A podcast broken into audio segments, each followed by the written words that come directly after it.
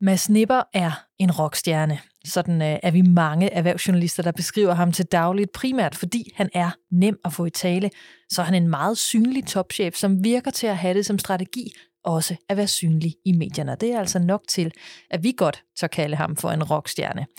Jeg hedder Anne-Marie Lindholm, og i denne her udgave af podcasten Toppen taler, der er jeg kørt til Gentofte for at besøge Mads Nipper på Ørsted, hvor han har været CEO siden januar 2021. Han vil fortælle os om alt det, der har formet ham til at blive den leder, han er i dag. Han vil fortælle om det, der falder ham nemt, om alt det, der har været helt vildt svært. Og så løfter han også senere i podcasten sløret for, hvad det var, der skete i de dage, hvor Ørsted og han selv var i et historisk stort stormvær, fordi krigen i Ukraine førte en øh, stor kritik af Ørsted med sig. Primært på grund af den her russiske gaskontrakt, som Ørsted på det tidspunkt stod med. Men Mads Nipper lægger ud med her i podcasten at fortælle om den karriere og det ledelsessyn, der ligger bag ham. Jamen, jeg hedder Mads Nipper, og jeg er så heldig at have haft tre fuldtids arbejdsgiver i mit liv, som er Lego og øh, Grundfos, og nu senest øh, hos Ørsted. Og jeg, øh, jeg har været så heldig, at de sidste mange år har jeg kunne sidde i topledelsen, og der været med, været med til også at, at hjælpe til, hvilken retning de firmaer skal tage. Så det har været en stor fornøjelse. Og hvordan er du kommet øh, hertil? Altså, hvordan har vejen, vejen hen været? Jamen det tror jeg, de fleste af os, hvis vi skal være ærlige, så vil vi indrømme, at rigtig meget af det held og tilfældighed og hårdt arbejde. Og jeg tror ikke, det er meget anderledes i mit tilfælde. Altså, øh, det har været nogle muligheder, der er opstået, øh, og så har jeg gjort mit bedste i alle situationer. Og også haft mod til i visse tilfælde at sige ja til noget, faktisk i flere tilfælde at sige ja til noget, som jeg ikke helt, vidste, hvordan jeg skulle gribe an. Og, øh, og det har hjulpet mig godt, og så, så mener jeg selv, at jeg har et relativt stærkt personligt kompas i forhold til, hvad jeg synes er rigtigt og forkert, og det tror jeg også har hjulpet mig. Men også sagde du ja til noget første gang, hvor du var sådan lige lidt i tvivl om, hvordan du skulle gribe det an? Jamen det gjorde jeg allerede tilbage i midt i 90'erne, hvor, hvor jeg blev spurgt, om jeg havde lyst til at være, øh, at være projektleder på noget, der hed Nye Veje til Forbrugeren. Og, øh, og der var blandt andet den her nye ting, som hed internet, øh, som ingen rigtig vidste, hvordan man skulle forholde sig til, og det var sådan et eller andet, som måske havde noget potentiale, og jeg tænkte, det kunne da være spændende. Og øh, jeg anede jo ikke, hvad det drejede sig om, og jeg skulle selv sætte et team sammen, og, øh, og det tror jeg egentlig, i og med, at der var jo flere ting, der, der endte med at virke, det, det tror jeg egentlig gav mig lidt blod på tanden til at sige, at det er faktisk ikke så farligt at kaste sig over noget, man ikke har prøvet før. Men hvornår vidste du, at øh, din vej ville være op, og altså at du gerne, øh, eller du efterstræbte en, en, en lederstil? Jamen det er jeg ikke sikker på, at jeg sådan stadigvæk rigtig ved. Øh, jeg har ikke øh, nogensinde haft erklæret ambition om, hvor langt jeg skulle nå i min karriere, eller at jeg skulle ende som administrerende direktør. Øh, jeg, jeg var utrolig heldig efter bare halvandet år at, at blive tilbudt at blive afdelingschef hos, øh, hos Lego, og det der med at være leder, det faldt mig relativt naturligt. Øh, selvom jeg også skræmt for videre sandt selvfølgelig, fordi hvordan i verden skulle jeg gøre det? Øh, men, øh, men, men det faldt mig relativt naturligt, og jeg har nok også fundet ud af, at, at i og med, at jeg sådan måske er, kun er en smule bedre end gennemsnitlig begavet og analytisk osv., så, videre, så tænker jeg, at det jeg nok er bedst til, det er faktisk at arbejde med andre mennesker og få, og få, få det bedste ud af dem. Så, så altså det, det er ikke sådan noget, jeg har tænkt på i løbet af min studier, eller nu skal det sørme ske snart. Det, det er noget, der er kommet, og så har jeg bare lært at, at elske det. Og, og hvornår har du opdaget, at det er noget, du havde flere for? Altså nu er du selv på det der med, at du gør, du, med, du gør andre øh, bedre, gode. Hvornår opdagede du det? Jamen det gjorde, jeg, det gjorde jeg relativt tidligt faktisk i mit første lederjob, fordi der, der var, en, altså, der var en, en, en del kolleger, som gerne ville arbejde for mig. Og jeg tænkte, det var da underligt. Men, øh, men, men, det, men det, det ville de gerne, og jeg kunne også, øh, jeg kunne også godt finde ud af at, jeg kan sige, at, at, at give dem noget, selvom de jo øh, helt åbenlyst var bedre til det, de lavede, end jeg er. Og, øh, og det, det, det kan jeg sige, jamen hov, altså hvis jeg kan give noget, selvom jeg ikke er så dygtig til deres felt, som de er, og hvis folk gerne gider arbejde for mig og med mig, så, øh, så er det en god indikation af, at det ikke er helt skævt, det her. Kan du komme i tanke om øh, et tidspunkt, hvor øh, du bemærkede, at du faktisk var med til at gøre en, altså en markant forskel i det job, øh, du sad ved, altså hvor du var, var leder for nogen? Jamen, der er jo helt sikkert mange eksempler, men jeg, jeg, det er svært at fremhæve sådan et enkelt eksempel, hvor, hvor det har gjort en markant forskel. Men, men jeg, jeg har da fået nogle, tilba- jeg, nogle, nogle til, hvad det, tilbagemeldinger. Øh, da Lego var i, i, i, i det dybeste krise, hvor jeg havde været direktør i Tyskland nogle år og blev taget tilbage og skulle være ansvarlig for produktudviklingen. Og det gik rigtig dårligt på det tidspunkt. Og, øh, og der fik jeg at vide af nogle af de mange, mange dygtige designere, der sad der og sagde, at det var utrolig dejligt at, at kunne, kunne, du sige, kunne, kunne få både en retning for det, hvad der skal laves, og få lov til at lave det, de er bedst til. Og det, det er nok en af de største komplimenter, jeg har fået, fordi det, det siger jo, at en leder skal hele tiden ramme den der fine balance med ikke bare at være en, en ikke tilstedeværende, øh, ikke, kan du sige, ikke at give noget, men samtidig ikke forsøge at lave medarbejdernes arbejde. Så det her med, at, at der sad så øh, flere hundrede mennesker, som følte, at jeg havde været personligt bidrag til at være med til at sætte en klar retning, hvad vi skal og ikke skal, og samtidig at de har fået lov til at være den bedste version af sig selv. Det, det, det tog jeg i hvert fald note af, så det er en af de største komplimenter, jeg nogensinde har fået. Og så, og så små ting, øh, blandt andet som når der er nogle mennesker, der skulle ind og holde præsentationer øh, for en topledergruppe, så er de jo næsten altid øh, nervøse eller spændte. Og det her med, at, at der gør jeg mig altid umage med at, at, at få øjenkontakt til vedkommende, sidde og give små, kan du sige, og nikke eller et eller andet, som får dem til at, at slappe af og føle, at, øh, at de er velkomne. For der er ikke noget værre end at stå over for kan du sige, sådan en, en, en mur af, jakkesætklædte mænd, som man ikke aner, hvad tænker. Og det, det forsøger jeg også blandt andet at bryde med. Og det er bitte, bitte små ting, men i min erfaring, så er det summen af de mange små ting, der virker. Og på summen, hvad, når du går ind som leder, hvor, hvor tydelig eller hvor, hvor markant er du så? Altså, hvor meget fylder du i forhold til alle dem, du er med til at spille gode? Jamen, jeg, vil, jeg tror gerne, jeg vil sige, at jeg fyldte mindre, end jeg gør. Jeg tror, jeg har for vaner at tale for meget, øh, og måske også i enkelte udvalgte festlige lejligheder at have en, en holdning til ting, som, øh, som jeg ikke altid øh, er, er kan du sige, den mest kapable til. Men, øh, men jeg, er ikke, jeg er ikke en leder, som elsker at træffe beslutninger. Øh, jeg, jeg får ikke det der adrenalinkick af, at det er mig, der træffer beslutningen. Det er mig, der sætter retning. Jeg er meget mere en vi-person. Øh, så, så jeg tror, jeg, altså jeg, jeg fylder meget i forhold til den andel af tiden, hvor jeg taler. Men, øh, men jeg tror, de fleste vil sige, at, at jeg er ikke nogen sådan særlig dominerende leder, eller en leder, som, som, som ligesom siger, jeg vil bestemme det hele. Altså, begrebet solkonger i erhvervslivet er jo, er jo opstået af en grund, og sådan en tror jeg bestemt ikke er. Hvor god plads er der til at være uenig med dig? Det er der rigtig god plads til. Altså jeg forsøger faktisk altid at anerkende, når der er nogen, der er uenige med mig. Øh, det betyder ikke, at jeg giver dem ret, men, men jeg mener helt grundlæggende, at, øh, at i virksomheder, og ikke mindst i virksomheders ledelser på alle niveauer, der opstår den største værdi, hvis der er plads til konstruktiv konflikt.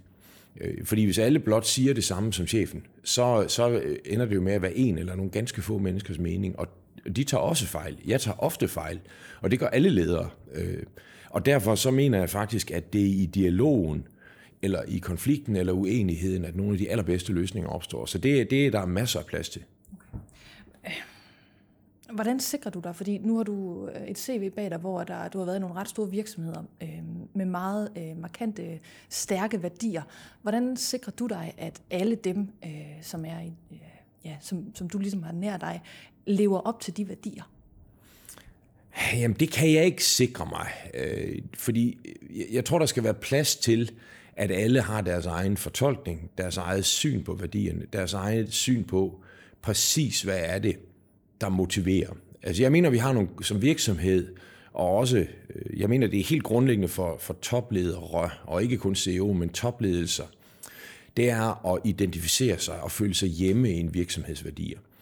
Øh, og, og, og hvis man ikke gør det, så tror jeg, det løser helt sig selv. Altså det der med at sige, at hvis du ikke kan lide lugten i bageriet, så må du gå et andet sted hen.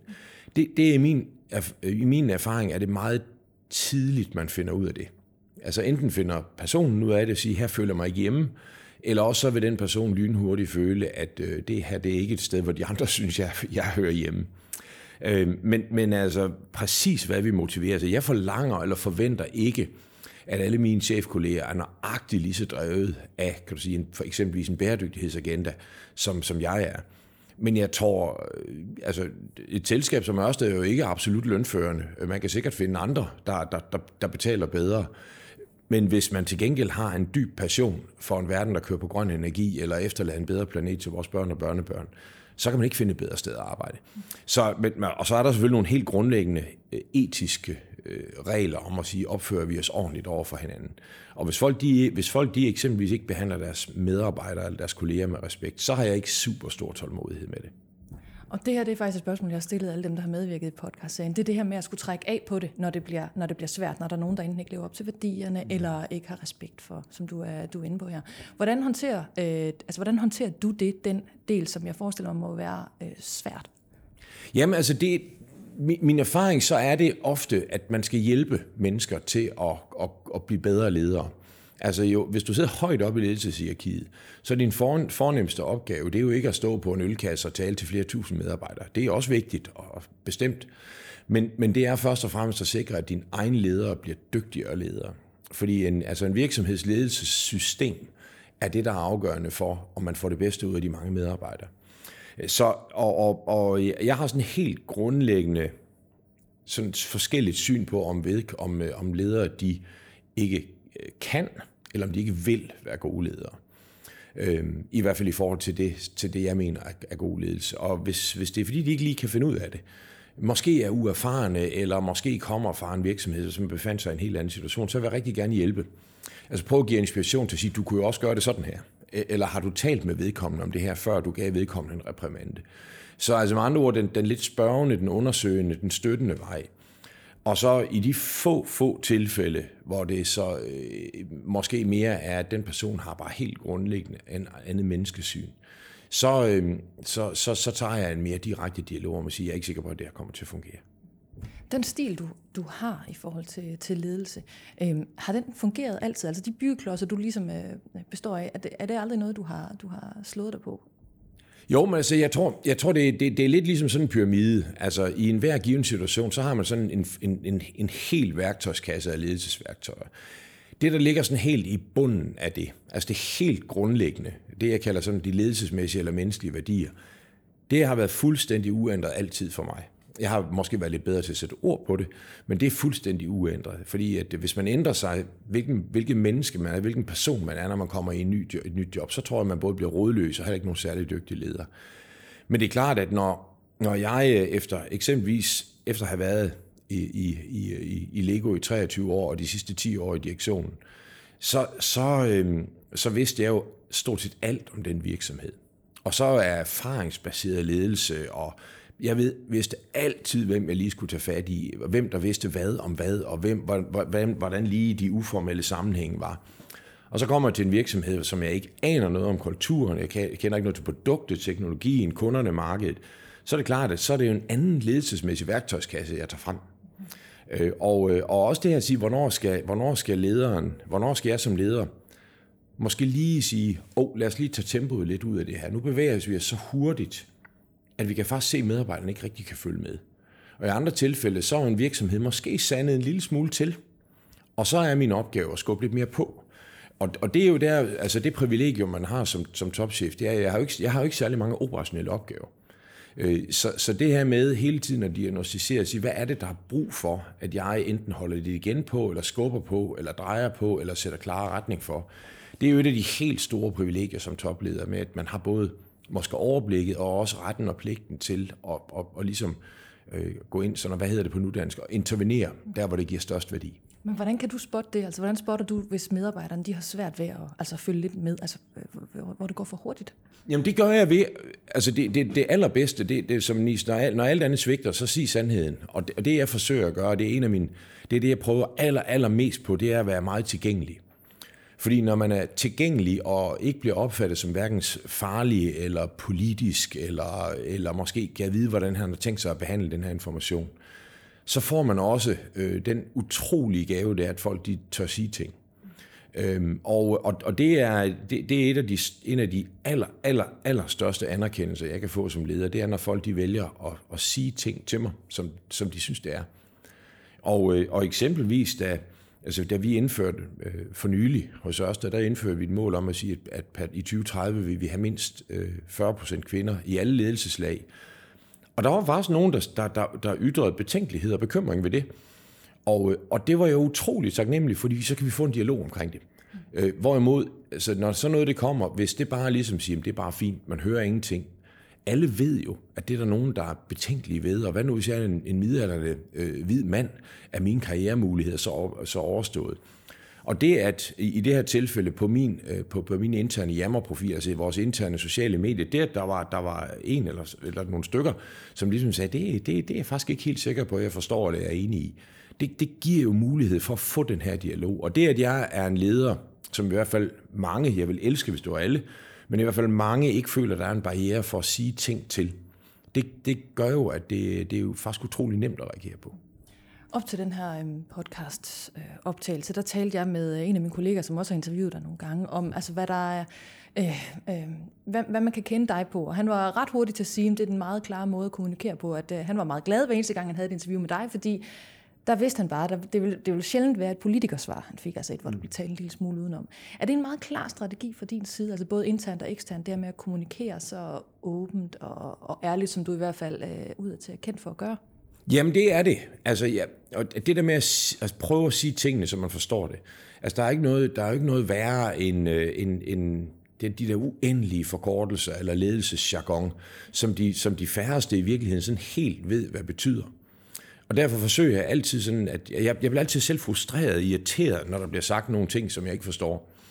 Øh, specielt hvis det ikke bare er teknisk svært, hvor, hvor det faktisk kan være en vidensbarriere, der står i vejen. Men altså, hvis, hvis, hvis, hvis jeg føler, at folk de skaber nærmest sådan en, en afstand til mig ved at tale i et kompliceret sprog, og derfor forsøger jeg at afkomplicere alt, hvad jeg gør.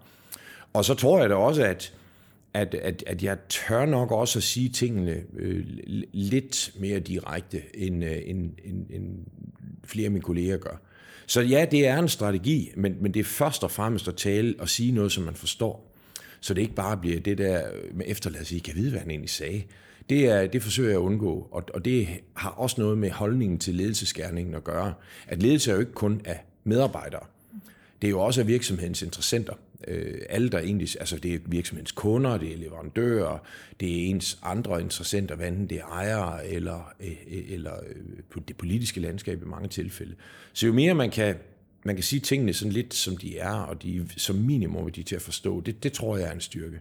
Men, men kan det ikke give bagslag for lige netop af de årsager, du nævner der? Der kan øh, åbenhed og ærlighed jo også blive lidt farligt, hvor et øh, godt og gammeldags politikersvar, det kan købe lidt mere tid, og måske gøre det hele en lille smule mere øh, rundt. Øh, giver det aldrig bagslag for dig? Jo, det gør det da, og, og, og, og det er jo også et spørgsmål om at sige, hvornår er det, hvad er det for en virksomhed, i hvilken situation, som, øh, som man befinder sig med. Og, og i nogle tilfælde er det jo klart, at når, jeg, når vi har tusindvis af ejere i et børsnoteret selskab, så er det klart, at så, skal man jo, så, så er det jo en anden type kommunikation til ens ejere, end hvis det er en, øh, en, en familie eller en fond, hvor man dybest set kan tale med en eller nogle ganske få mennesker, og så er det ligesom håndteret. Øh, så kompleksiteten kan være meget forskellig, og det er jeg nødt til at respektere. Men det ændrer ikke på den grundlæggende holdning med at forsøge at sige tingene så direkte, som det kan lade sig gøre. Men altså, det er, øh, det, det, det er klart, at, at jeg er nødt til at skal have, have den der musikalitet i forhold til, hvornår jeg siger hvad. Øh, fordi det er også situationsbestemt. Det skal jeg være ærlig at sige.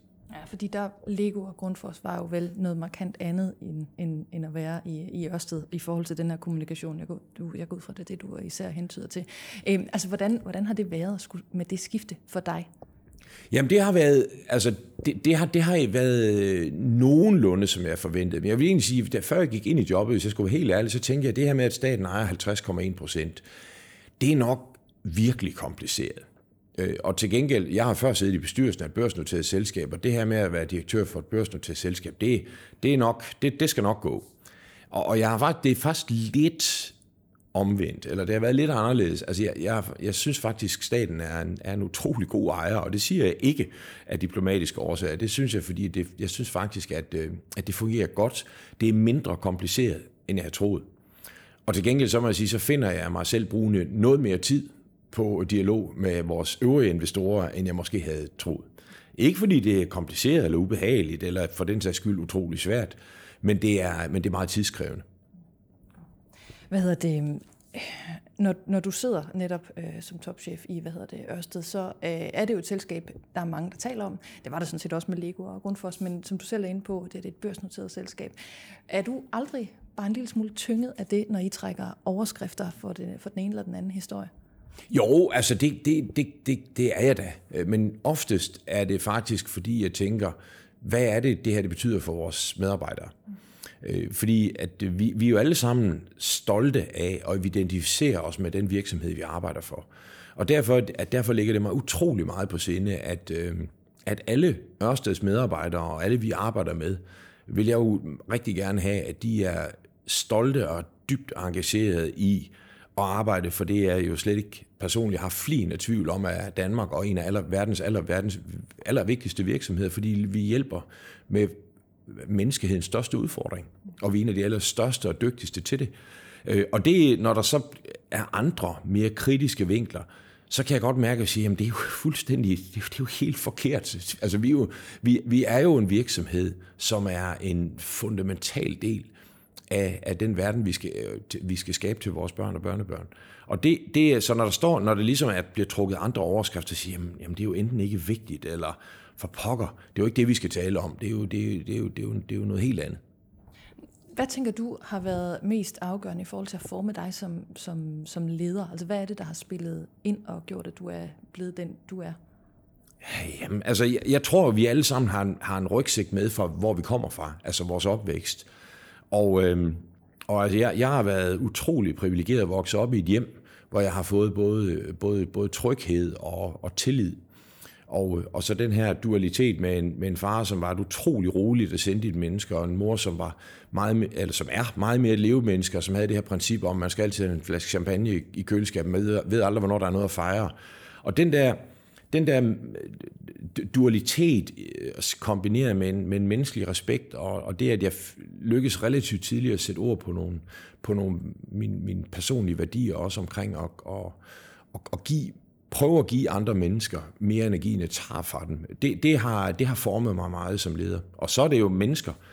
Altså jeg, jeg har jo været utrolig heldig at kunne lære en masse, både af meget dygtige ledere, jeg har haft, men, men også mindre dygtige ledere, fordi det er ofte noget af det, vi lærer allermest af, det er at sige, det der, det skal jeg huske at lade være med. Ja, har du nogle forbilleder, altså som du øh, jeg ikke, spejler i, men i hvert fald minder dig selv om øh, i det daglige? Ja, det, det her, det kan, det kan lyde forfærdeligt corny, men det, det, et stort forbillede er faktisk min kone. Fordi hun har evnen til at, være, til at være utrolig ærlig, samtidig med, at hun er et af de mest omsorgsfulde mennesker, jeg kender. Og det synes jeg er det, der faktisk karakteriserer den rigtig gode leder. Det er, det er den der evne til at sige, jeg har altid hånden under dig. Du kan altid regne med mig. Men, men, øh, men, men jeg vælger også at give dig den, den utrolige ærlighed. Så, så altså, det er ikke sådan, jeg sidder, ja, jeg kunne godt sige Steve Jobs, øh, og, og der er ingen tvivl om, at han har jo været en af de ledere, der har formet verden allermest. Men sådan i det lidt mere nære, kan du sige, der, der, der, der er det faktisk der, jeg finder rigtig meget inspiration. Mads Nipper og jeg har aftalt, at vi undervejs i podcasten vil gå en kort tur rundt for at se lidt på huset Ørsted og en særlig udstilling, som han netop har åbnet. Og mens vi bevæger os øh, rundt i Ørsteds kæmpe, enorme hus, så taler vi lidt om, hvad Ørsted er for et hus at være i, og hvordan Mads Nipper prøver at være synlig for alle de mennesker, der træder ind på den samme arbejdsplads som han selv hver dag. Jamen det her er jo det er et fantastisk hus. Altså, det, er jo, det er jo et enormt stort hus, som du kan se.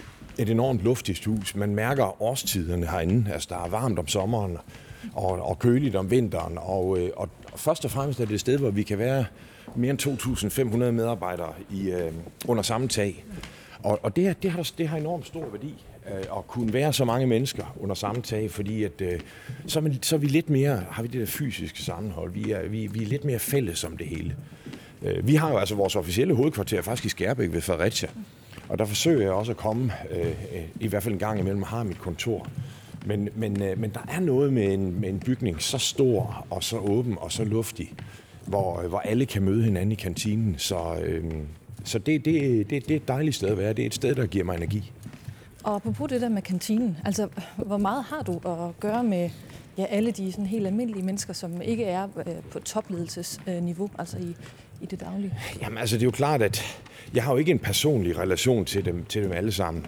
Øh, men, men jeg forsøger at, at skabe så mange relationer, jeg kan. Og hvad mener jeg med det? Jamen altså, først og fremmest, så kan, det som er nemt, nemlig at, øh, som vi talte om før, at kommunikere. Når, når jeg kommunikerer, hvad enten det er i møder for alle medarbejderne, eller det er, det er andre sammenhænge, hvor jeg skal give en eller anden bredere orientering. Kommunikere, så man forstår. Og, og det her med at have, have, altså have, prøve at have lys i øjnene, tale i sprog, jeg forstår osv., det gør, at jeg tror, at alle føler, at de har sådan lidt mere en relation til mig. Øh, og så også, at, jeg for, at øh, på mine interne kanaler, så forsøger jeg at være og også at være meget været menneske og dele, også sådan lidt dele frustrationer og, og være ærlig omkring ting. Altså det, og det, det tror jeg også bygger meget relationer. Så vil sige, så går jeg i kantinen så en gang imellem, når jeg ikke er nødt til at hente min frokost op på kontoret. Så, øh, så, så det her med at sætte sig hos, hos, øh, hos, hos mennesker, jeg ikke kender, og sige, må jeg sætte mig her? Det, er, øh, det kan jeg utrolig godt lide også. Jeg får altid noget nyt at vide, som jeg ikke anede. Har det altid været vigtigt for dig? Ja, altid. Nå, så det ord på, hvor, hvor er vi stoppet hen? Jamen nu er vi stoppet lige her på den anden side af receptionen, og det er en udstilling, som vi åbnede i fredags faktisk, omkring H.C. Ørsted, hvor Selskabet for Naturvidenskabernes Udbredelse, som faktisk er stiftet af H.C. Ørsted, øh, øh, har været så utrolig søde og, og låne os de her, den her, sætte den her udstilling op. Og det er jo, det er jo øh, både historiske artefakter, som jeg tror det hedder, øh, og, og for, historiefortællinger om, hvad H.C. Ørsted var for et menneske. Og det er jo ham, vi har taget navn efter. Mm. Så det synes vi var det helt rigtige sted, at den her, at den her udstilling skulle være. Okay. Øhm, nu vil jeg gerne have dig til at sætte et på på, hvor meget det her med den grønne omstilling og klima øh, fylder, ja. øh, altså fylder for, for, for Ørsted. Ja. Øhm, og det er et åndssvagt spørgsmål, for det ved jeg jo godt, det fylder, fylder meget. Men jeg vil gerne have dig til at bruge dit ord i forhold til, hvordan den rejse, øh, den rejse Ørsted har været på, fra noget helt andet til der, hvor den står i dag i forhold til, det, til alt det grønne? Jamen altså, det, det, er, jo, det er jo helt afgørende. Altså, det, det er jo vores eksistensgrundlag. Fordi at, øh, jeg tror, det er de, et af de mest intelligente spørgsmål, en hver leder og virksomhed kan stille sig selv. Det er at sige, hvad, hvad vil verden savne, hvis min virksomhed ikke var der? Og det, det var jo, verden, verden ville jo, hvis ikke Ørsted havde været her, ville verden have savnet det, jeg kalder øh, kan du sige, den, den grønne energi svar på Tesla. Nemlig nogen, der viste, at i det her tilfælde havvind, det kan udbredes langt hurtigere og med langt større positiv indvirkning på verden, end nogen havde drømt om. Ganske ligesom Tesla har gjort det med, med, med elbiler. Det var ikke dem, der opfandt teknologien, og lige så lidt var det, var det, havde det været Ørsted, der opfandt vindmøllerne. Det har vi ikke opfundet. Vi har bare haft mod til helhjertet at vise, at man kan lave omstilling fra, fra, fra sort energi, altså fra fossile brændsler, til, til grøn energi. Og, øh, og det er vi det selskab, store energiselskab i verden, der har gjort både hurtigst og mest helhjertet. Og det, det skal vi fortsætte med at være en rollemodel for at sige, at ting kan lade sig gøre hurtigere, end andre tror. Er det nyt for dig, øh, det er et ledende spørgsmål, er det nyt for dig, det her at være med til at ændre en fortælling for de virksomheder, du har været ansat i? Her tænker jeg især på Grundfos, som jo engang også bare var en, altså en pumpe, pumpefabrik, hvor, hvor du også var med til at sætte øh, hvad hedder det, Grundfos på, øh, på verdenskortet som en grøn, øh, grøn virksomhed. Mm. Altså, hvordan, hvordan er det arbejde med det der med at ændre fortællingen, og, og jo selvfølgelig også retningen så for en virksomhed? Jamen, altså, jeg, jeg er jo, altså, jeg, min, min opvækst er jo i markedsføring og kommunikation. Det er jo min, min helt tidlige métier. Og, øh, og, og derfor betyder det utrolig meget, fordi man er, noget kan jo være en utrolig velbevaret hemmelighed. Og der er mange, der, der går, måske går og tror, at, at, at, at Grundfos' grønne profil og alle de gode ting, der blev lavet, at det er noget, jeg har haft en stor med, finger med i spillet. Jeg var faktisk utrolig stolt af og begejstret for at se, hvor mange ting, der allerede foregik. Rigtig mange af tingene var, var bare en velbevaret hemmelighed. Så, så det her med ikke blot at sige, at vi laver grønne løsninger, men, men også at prøve at finde en ny vinkel. Altså, øh, blandt andet da, altså da FN, verden, FN's verdensmål kom i 2015, der var vi jo øh, hos Grundfos på det tidspunkt øh, den, den første virksomhed, så vidt jeg ved, overhovedet til ligesom at sige, jamen vi, det vi beskæftiger os med i vores strategi, det er de her to verdensmål. Og det her med at hjælpe med at få, at få et sprog på det og sige, vi, det, det, er, det er ikke en pumpevirksomhed, det er en virksomhed, det er en af verdens vigtigste virksomheder i forhold til at adressere verdens energieffektivitet og dermed klima og, og vandproblemer. Og det, det giver en helt anden vinkel på, hvad det er for en type virksomhed, man arbejder for. Så sprog og kommunikation betyder utrolig meget, og det kan frigøre utrolig meget energi i en virksomhed, men også i dens omgivelser. Men det her med den grønne omstilling, det er der jo rigtig mange, der har en mening om. Øh, der er også meget politik i, ja. øh, i alt det grønne. Altså hvad er det for et farvand som, øh, som topchef at skulle manøvrere rundt i? Jamen det er, det er, det, det er et nødvendigt farvand at manøvrere rundt i, fordi altså, den grønne omstilling er jo, det er jo ikke bare én ting. Det er jo ikke at man har et stort håndtag, som vi drejer på, så gør vi lige det. Altså vi skal spare energi, vi skal elektrificere vores samfund, så vi har færre, øh, han har sagt, et traditionelle øh, motorer og brændsler og alt muligt. Og samtidig så skal vi jo have ufattelige mængder grøn energi. Øh, og lige om lidt, så skal vi også lave grøn brint i skala, så vi kan lave grønne brændstoffer, som vi kan putte på fly og, og lastbiler og skibe osv. Og, Og, og det, er, det er bare kompliceret. Det er meget, meget dyrt. Altså som jeg har sagt, sådan lidt i, halvt i spøg, halvt i alvor. Altså alt i Ørsted, selv i forhold til andre store virksomheder, jeg har haft med at gøre, der er jo, der er jo et eller to nuller ekstra på tallene, fordi det er så store tal. Og, øh, og det, er både, det er klart, at det, det giver både en forpligtelse over for investorer, men også over for samfundet, fordi det er enorme investeringer, der skal foretages. Og så det her med, at Ørsted er genstand ofte for rigtig meget ris, rigtig meget ros. Der er tit meget stor fokus på, på aktien, ja. som jo også har haft det svært. Altså, hvordan påvirker det den måde, du arbejder øh, på? Altså, fylder det nogensinde alt den snak om aktier og alt det der udenom det, som der egentlig har med dit daglige arbejde at gøre? Ja, altså det, det, det er, jeg tror, det er utrolig vigtigt, at enhver topchef for et børsnoteret selskab, eller i, i princippet over for enhver, der ikke er statsejet 100%, skal fokusere på balancen mellem at være dybt forpligtet til at hjælpe med at skabe aktionærværdi. For det er bare en del af det. Altså det er den eneste måde, man langsigtet sikrer, at der bliver ved med at blive tiltrukket kapital til at gøre det, vi skal. Men ikke lade sit humør styre, eller ej sin handlinger styre af, hvordan går det kortsigtet med aktien. Og hvis jeg tegner en linje sådan mellem børsnoteringen i 2016 og så i dag, så er det jo stadigvæk en utrolig flot udvikling. Øh, og så kan man sige, så er det en række eksterne forhold, det skal ikke trætte dig med, som har gjort, at jeg kan sige, at specielt det første halve år, jamen altså der er både, både vi, men også hele øh, hvad det, den grønne energisektor øh, tog et ordentligt dyk, fordi det var steget ufattelig meget på ufattelig kort tid. Og så kan man sige, lige nu bruger, bruger jeg slet ingen tid på det, fordi alle andre aktier falder mere, end vi gør, stort set. Så, så, altså, det, så det, er jo, det er jo nogle cykler, og hver industri har sin cyklus, og, øh, og der har, der, der har Ørsted jo så, fordi vi har haft, vi havde privilegier om at være steget ufattelig meget, øh, har, har så også øh, haft, en, haft en udvikling. Men det, har, det, var, det tog lidt, jeg skulle forstå, hvad der skete de første 6-9 måneder, men, øh, men altså, jeg må sige, det er... Øh, det, det, det er ikke noget, der påvirker mit humør til daglig overhovedet. Nu bevæger vi os tilbage til Mads Nippers kontor, mens vi tager hul på at tale om nogle af de stormvær, som Mads Nipper har befundet sig i i hans meget lange karriere som topchef. Dem har der nemlig været nogle stykker af. Inden jeg kom til Ørsted, der, der tror jeg, at det har været Legos krise. Jeg var jo ikke øh, topchefen, men jeg sad jo i topledelsen på det tidspunkt. Og, og den her, den her øh, jeg vil ikke sige frustration, men, men, men det er måske alligevel et ord, man skal bruge, med at sige, det her, den her fornemmelse at sige, at vi sidder med et genialt produkt, et ubegribeligt stærkt varemærke, utrolig dygtige medarbejdere, øh, og et, et marked, som jo helt tydeligt er der. Og alligevel så går det slet ikke. Øh, og, og, og det med, det med ligesom at, at erkende, og være med til at erkende, og sige, det er faktisk os selv, der gør det. Det er, ikke, det er faktisk ikke et ondt marked eller onde konkurrenter. Og, og, og dengang, jeg kan mærke en af de ting, jeg kan huske det stadig, og jeg tror, det var, da jeg var direktør i Tyskland, hvor, hvor mine medarbejdere de begyndte at sige, se nu, hvad Playmobil de gør. Prøv at se, de gør det her med deres produkter. Se, hvor godt det virker ude i butikkerne. Og det øjeblik, hvor man, øh, hvor man taler mere om ens konkurrenter, end man gør om ens potentiale og hvad der er rigtigt og hvad vi er dygtige til, så er det, så er det rigtig skidt. Og øh, man skal altid respekt for at forstå sine konkurrenter, men man må aldrig nogensinde lade dem være årsagen til ens handlinger. Og det, øh, det kunne jeg mærke, den modvind, og sige, hvordan i himlens navn får vi ændret det. Det var, øh, det var svært. Men hvad, hvad, hvad, hvad blev dit træk? Hvad, hvad, hvad gjorde du? Ja, jamen det var, jo, det var jo at prøve at sige, nu, nu skal vi prøve at se, hvad er det, vi kan, som de ikke kan? Hvad er det, vi er dygtige til, som de ikke er så dygtige til? Hvad er det, vi kan gøre, som er anderledes end, end, end det, de kan?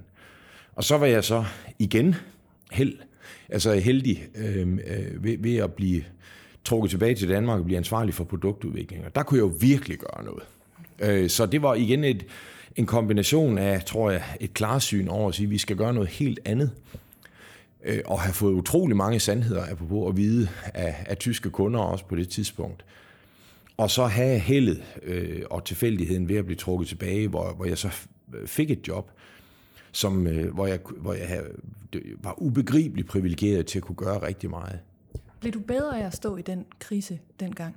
Jeg tror, alle skal have kriser for at blive, for at blive runde ledere. Øh, jeg, har været, øh, jeg, jeg har været utrolig velsignet af at have haft langt mest medgang øh, i min karriere. Øh, men, men, øh, men, men det her med at, at sige, nu, nu står jeg i en krise, og det er aldrig rart, mens det står på så tror jeg, det er i hvert fald ikke rart for folk med min, med min støbning. Men, men, men det at finde inspiration i det, både i situationen, øh, og, og også først og fremmest så bagefter reflektere over, hvad er det, jeg har lært af det her? Hvad er det, organisationen har lært, men hvad er det, hvad er det også, som jeg som menneske har lært?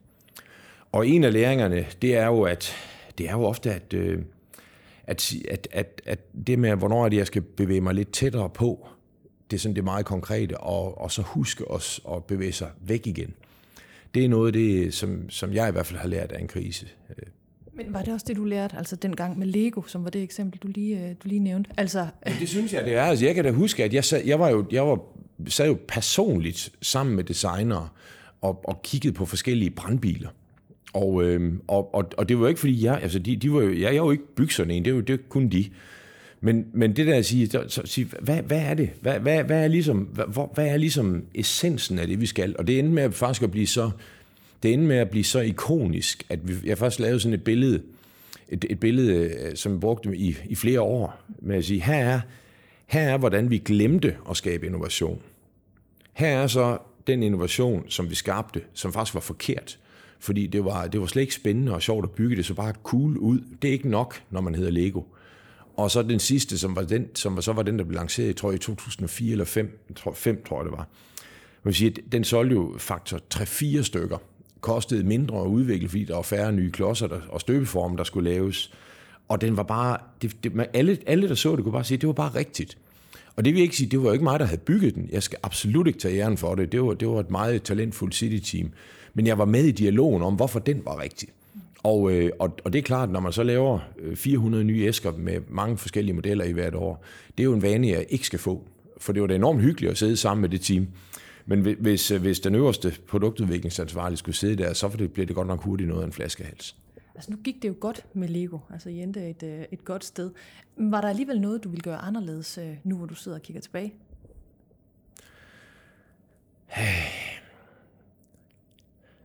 Ja, ja, det tror jeg. jeg. Jeg skulle have, i min tid i Tyskland, hvor det var jo skrigende åbenlyst, at der var ting, som, øh, som, som gik virkelig, virkelig dårligt.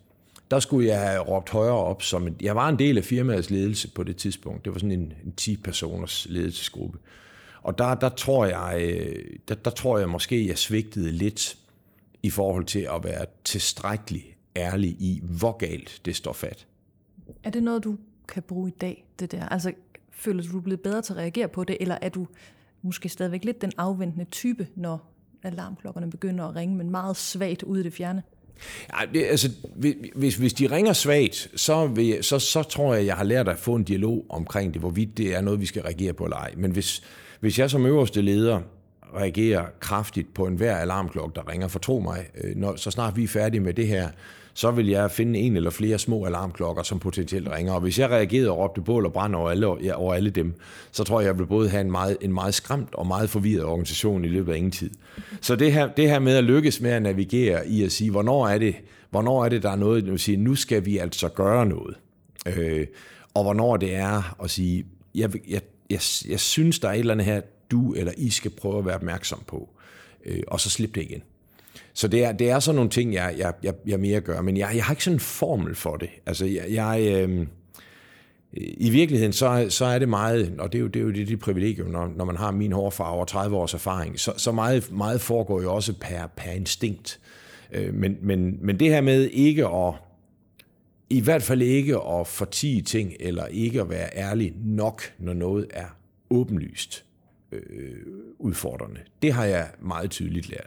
Det seneste stormvær, Mads Nipper har befundet sig i, var da krigen i Ukraine begyndte, og det hurtigt stod klart, at Ørsted stod med denne her langvarige gaskontrakt med det russiske selskab Gazprom, som hver eneste år betød, at vi via Ørsted sendte milliarder af kroner til Rusland som betaling for en stor del af den gas, vi forbruger i Danmark. Ørsted var hurtigt ude på skrift og forklare, at den kontrakt ville de fastholde. Og det resulterede i en massiv kritik, hvor Ørsted i den første intense periode blev beskyldt for at tjene lidt for gode penge på at sende russisk gas ud til danskerne. I dag kan Mads Nipper godt se, at han begik en fejl, da han og Ørsted skulle håndtere hele situationen. Jamen altså, det var da ubehageligt. Øh, og, øh, og, og, og også et, hvor jeg bestemt også har lært noget.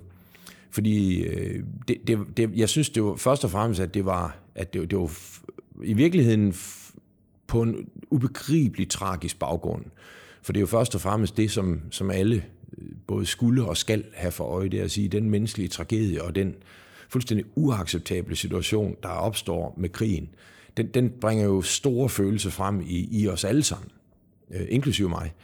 Øh, og, øh, og det, som jeg og vi jo undervurderede, det var, hvor, hvor, øh, hvor, hvor følelsesmæssig hele sagen øh, var, øh, og, og delvis stadigvæk er, omkring, øh, omkring Rusland. Og, og vi, vi, vi havde sådan, øh, jeg tror vi egentlig det vi gjorde, da vi svarede på spørgsmål, siger vi har den her gaskontrakt, og vi siger, jamen vi, vi, vi svarer faktuelt fuldstændig rigtigt, men, men man skal ikke, vi, vi, vi fejlede, og jeg fejlede også i at forstå, hvor følelsesmæssigt ophedet det var. Og det at svare sådan meget faktuelt på noget, som er meget følelsesmæssigt, det, det, det endte jo også med at eksplodere lidt i hænderne på os. Ja, fordi det, der gjorde, at I valgte at håndtere den sådan, var det, fordi I egentlig i virkeligheden bare holdt håndteret den her henvendelse, altså som en, som en, hver, som en hver anden? Ja, lidt for meget som en hver anden. Øh, fordi at, altså, vi, vi, Ørsted er jo, er jo et, et utroligt dygtigt og professionelt selskab, øh, og, og har ufattelig godt styr på sine fakta og sine data og sin, og, og sin kommunikation. Og, og der kan vi sige, men i det her tilfælde, der, der havde det rigtige nok været øh, at fokusere på alt det, vi gør, fordi at øh, fokus gik straks hen på en, øh, på en gaskontrakt. Vi glemte faktisk at få, at for fortalt om alle de øvrige beslutninger omkring at, at, at stoppe med at gøre forretning med Rusland. Øh, fordi det kommer også til at fremstå helt på mange måder lidt, måske lidt tonedøvt med at sige, at vi er lidt ligeglade med krigen. Øh, og det, der var intet, der kunne være mere usandt.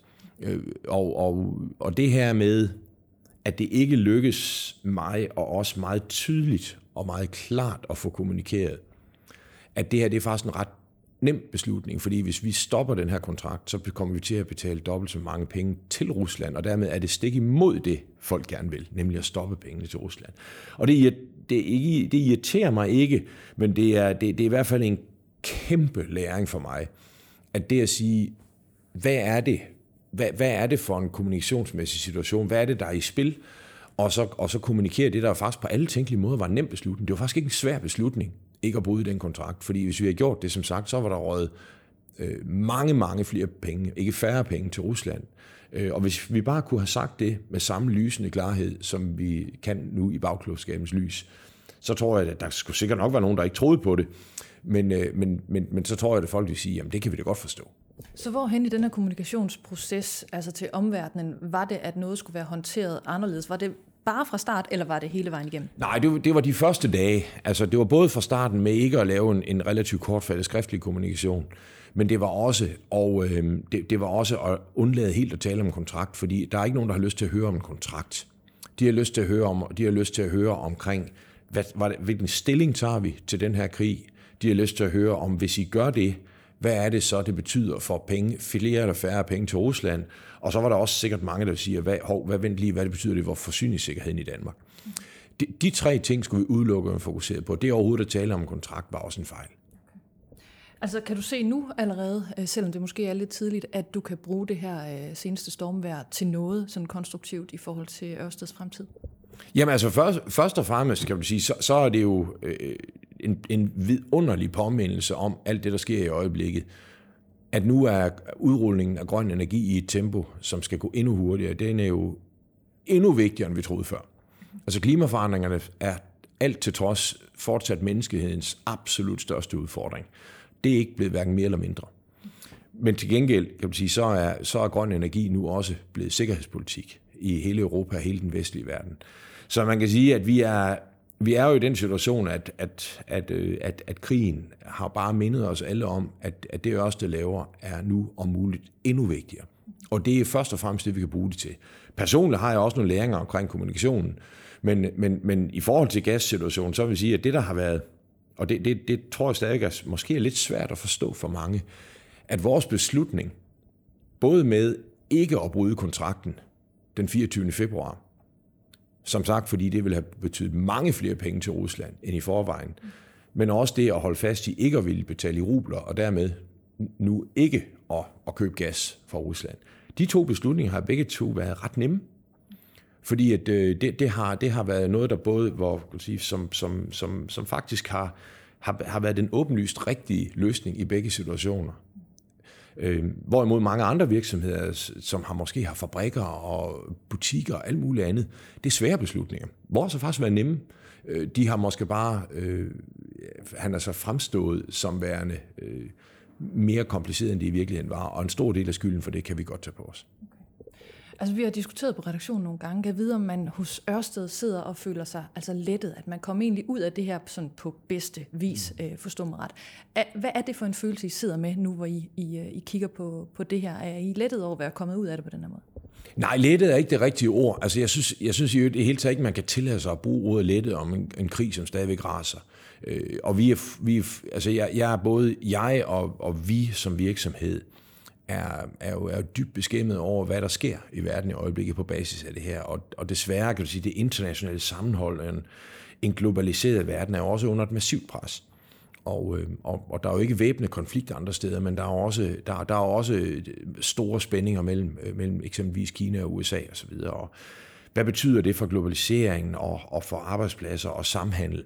Så der er rigtig mange ting at være øh, og, og, og, og, og bekymre sig om. Jeg vil sige, at øh, i situationen vil jeg mere sige, at det, det, har, det har været rart at få en, en klarhed, men jeg vil sige, øh, altså det har ikke været noget efter, efter det løs som lykkes. Altså der var masser af dygtige mennesker, altså blandt andet Lars Ågaard fra Dansk Energi og Brian Vad Mathisen og andre, som øh, relativt kort tid efter kom ud, også i offentligheden og sagde, hør her, altså det er også det gør rigtigt. Og, og, og derefter har der jo egentlig ikke været har det ikke været noget, vi sådan har, brugt, har brugt meget krudt på, fordi det, det var folk, der vidste noget om det, som ikke havde noget som helst med virksomheden at gøre, sagde jo, det, det er jo rigtigt. Og tilsvarende, da vi får brevet den 1. april om, at, at øh, Gazprom ensidigt vil ændre kontraktforholdene, så siger vi, at det, det, det, det, er jo, det skal det jo ikke. Øh, og så, så jeg vil sige, det har mere været, det har måske mere været afslutningen på, på, på sådan en, en lidt mere planlagt proces, end det er sådan en, en lettelse, fordi at, øh, jeg synes ikke, jeg har ikke følt, at vi har været under et, et stort, kan du sige, offentligt pres efter den, sådan de første par uger, hvor, hvor der blev skabt meget bedre forståelse for vores situation. Inden Mads Nipper skal videre med dagens tæt pakket program, så løfter han sløret for, hvad der venter lige rundt om hjørnet af udfordringer for Ørsted. Og ikke mindst løfter han også sløret for, hvad der skal til, før Mads Nipper trækker stikket på sig selv og siger, at nu skal Ørsted ikke længere ledes af ham. Jamen, den allerstørste udfordring, det er at blive ved med at holde momentet på den vækst, der skal foregå i grøn energi. Og, og, og, fordi, og det er jo ikke, fordi markedet ikke er der. Øh, der er et kæmpe, kæmpe behov. Der er enormt meget kapital, der rigtig gerne vil den her vej. Men, øh, men lige nu er, lige nu er, øh, er vi desværre i en verden, hvor inflationen stikker ret meget af. Det tror jeg er ret åbenlyst. Renterne er på vej opad. Og, øh, og, og der er ingen af de ting, som er super godt i forhold til at skabe gode betingelser for at tiltrække øh, meget, meget, meget store mængder kapital.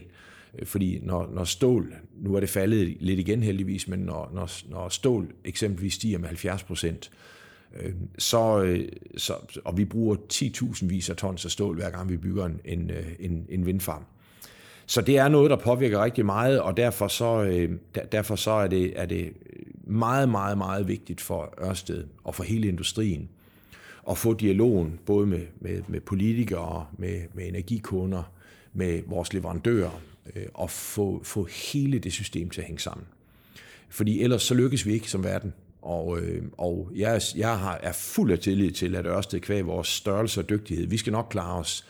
Men, men jeg er, fordi vi er markedsledere i det, vi gør, så føler vi en ekstra både øh, pligt og, og, øh, og for simpelthen at, at være nogle af dem, der sætter ord på, hvad er det, der skal ske i forhold til, at det her det lykkes. Og, øh, og, og det sidste, vi skulle gøre, det var jo ende med en situation, hvor, hvor, hvor, hvor der kommer så hårdt et prispres på energien, øh, samtidig med, at inflationen på de materialer, vi bruger, stiger så meget, at, at hele industrien ender med at købe kan du sige, vores, vores komponenter i, i Kina eller andre lande, som, som måske vil flytte arbejdspladser ud af Danmark og Europa. Og det synes vi vil være synd og skam. Så derfor er det, derfor er det vores, altså det med at konkurrere effektivt, men også have de helt rigtige dialoger om, hvordan får vi en bæredygtig vækst af grøn energi. Det er, det er en af de ting, som, som, vi, som både er en udfordring, men som vi også tager meget alvorligt, fordi øh, det, det, det føler vi som, som vores pligt. Altså inden øh, krigen i Ukraine, der var det jo rigtig meget konkurrencesituationen på det her marked, ikke, at man talte om, når man talte om Ørsted, altså hvor, hvor godt rustet stod I til det. Siger du så, at det i virkeligheden er blevet forværret øh, nu, altså fordi at markedet har udviklet sig, som det har med renter og priser på stål og så videre, fordi Kina stadigvæk står markant øh, stærkere? Jamen altså, altså der, er jo ingen, der er ingen tvivl om konkurrencen, at konkurrencen er bare et faktum for alle. Mm. Øh, og jeg tror bare, at det, der, det, det vi skulle, skulle sikre os hos os, det var, at vi siger, at den her konkurrence er kommet for at blive. Men når man nogle gange er den absolut største, Ørsted er jo så dobbelt så stor som den nærmeste konkurrent på havvind. Øh, og vi har den, det, det, der på fagsprog hedder, hedder klart den største pipeline, og vi har, vi har flere års, øh, årtier, så vi har bygget 28 store vindfarme, hvor mange af vores store konkurrenter, de har stadigvæk ikke sat en, en, en vindmølle i, i havbunden. Så, så vi, jeg er helt fortrøstningsfuld med vores evne til at konkurrere. Øh, det vigtigste er blot, at, at øh, de her øh, store, ofte meget, meget store selskaber, de ikke byder ind med så lave priser, at det, at det både vil være, gøre det vanskeligere for virksomheder som Ørsted, men endnu vigtigere, at det ikke betyder, at der tjenes så få eller måske slet ingen penge på de projekter, at kapitalen stopper med at flytte til. Fordi øh, pensionsselskaber og store investorer over hele verden, selvom de jo også er dybt engageret i den grønne omstilling, de har også en pligt for at skabe et afkast. Og øh, når renterne stiger, så er deres alternativer også mange flere. Øhm, og, øh, og hvis der samtidig skabes så stort et tryk i den her industri, så vil de jo på et eller andet tidspunkt sige, kan vide, om det her, vi skal sende vores hundredvis af milliarder kroner eller dollars hen, eller ej. Og det er, det er noget, hvor, hvor, hvor, du sige, hvor vi har intet mod konkurrenter, så længe det er konkurrenter, der, der, der er dygtige, og som ikke blot han altså køber sig til markedsandel, fordi så, så er det ikke sundt for industrien. Bliver du aldrig træt af at sidde med, med ansvaret? Du sagde lige før, at nu kigger du tilbage på et 30 år langt arbejdsliv. Mange af dem har været i topstillinger. Øh, det er, et, det er et, øh, et komplekst marked, du kigger ind i nu også. Bliver du aldrig bare lige lidt træt af at være den, der sidder med ansvaret? Nej, altså jeg, det, det gør jeg faktisk ikke. Altså, øh, der er hårde arbejdsdage selvfølgelig på kontor, og, øh, og der er en af, de, en af de ting, som man også altså som, som administrerende direktør, en af de ting, man, man, man er nødt til at erkende, det er, at, at man har aldrig helt fri. Der, der er alt, altså der er virksomheden, og, og det her er altid i hovedet, og derfor så tror jeg også, at, jeg tror det var Lars Rasmussen fra, fra tidligere topchef for Koloplast, der sagde noget, som faktisk, jeg, jeg er ikke sikker på, at jeg forstod det helt indtil for nogle år siden, der han siger, man ved ikke, hvordan det er at være CEO, før man har været CEO. Og, og det skal man, det, de sidste mennesker i verden, man skal ondt af, det er jo administrerende direktør, for vi er jo både privilegeret af stort ansvar og privilegier og en, og en god løn og alting. Men, men det, er faktisk, det, det er faktisk en af de læringer, jeg har gjort mig, at sige, jamen det må jeg, lad os nu bare sige, nummer to i overvis i Lego, efter, sammen med en utrolig dygtig topchef. Og, og så det at skifte, det, det, det var en større forandring, jeg havde troet. Men, øh, men altså, jeg blev ikke træt af det, fordi så skulle jeg jo være et skarn om, at hvis jeg blev ved. Men øh, tværtimod, så synes jeg, det er et enormt privilegium som 56-årig at blive ved med at kunne lære så meget hver eneste dag. Øh, det, er, det, det, det der med ikke at gå i stå mentalt, det betyder utrolig meget for mig. Og, øh, og, og så længe jeg føler, at jeg kan lære noget, og jeg kan bidrage med noget, så har jeg absolut ingen planer om at blive træt af det, jeg laver. Så hvad skal der til, før du siger, nu, nu skal det være slut for mig? Jamen det skal være den dag, jeg ikke er relativt overbevist om, at jeg er den rigtige, øh, i det her tilfælde, mand på jobbet. Altså hvis jeg begynder at sige, det vil faktisk være bedre for virksomheden, hvis der var en anden profil eller en med en anden erfaring end mig, øh, så skal jeg ikke have jobbet. Øh, der er ikke noget værre, hvad enten det er politikere eller topchefer, som bliver hængende for længe. Har du selv en klar forventning om, at du selv kan vurdere det? Jeg tror faktisk, at jeg vil have et klarere billede af det, end, end mange måske vil tro. Og det kan godt måde være, at det lyder arrogant, men, øh, men jeg, jeg er også velsignet at være omgivet af, af kan du sige, både en bestyrelse, der har et ansvar for at vurdere det. Det er faktisk en, del af deres, en betydelig del af deres job, og det er jeg sikker på, at, at de, vil, de, de også nok skulle, skulle bidrage til at skabe forståelse for. Men, øh, men, men jeg tror faktisk også, at, øh, at jeg vil have en relativt god fornemmelse. Og det er fordi, at jeg, jeg er også et, jeg har også, øh, jeg har også relativt mange sensorer ude, og det øjeblik, hvor jeg eksempelvis ikke længere øh, får henvendelser, som jeg tidligere fik med medarbejdere, som har lyst til at være, til at være, op, op, og, op, og være ærlige. Det øjeblik, hvor, hvor der er problemer, store problemer for virksomheden, som jeg ikke føler, jeg kan bidrage særlig meget til. Øh, eller det øjeblik, hvor jeg ligesom siger, nu, nu, nu har industrien ændret sig så meget, at det, jeg er dygtig til, måske ikke er det rigtige. Øh, det, det tror jeg vil være sådan nogle, hvad hedder det på nudansk, pointers i forhold til, som, som, som man måske nok kan gøre og sige, jeg er faktisk ikke sikker på det. Men allervigtigst for mig, øh, og det som nok kun jeg vil have en fornemmelse af, det vil være at sige, hvornår jeg har energien. For det øjeblik, jeg ikke står op 19 ud af 20 dage og glæder mig til at skal på arbejde, så skal jeg ikke have det.